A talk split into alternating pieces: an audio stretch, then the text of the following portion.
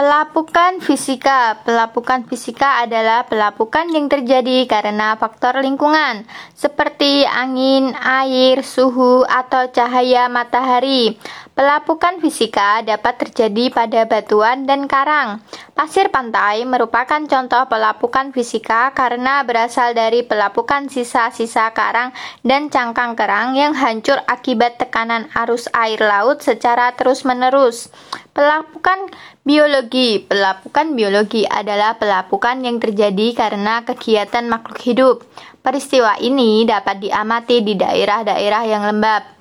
Pelapukan biologi disebabkan oleh makhluk hidup seperti akar pohon, jamur, lumut, dan serangga rayap. Pelapukan biologi dapat terjadi pada batuan dan kayu. Pelapukan pada kayu dapat dicegah dengan cara melapisi kayu dengan cat atau pelitur dan memberi obat anti rayap.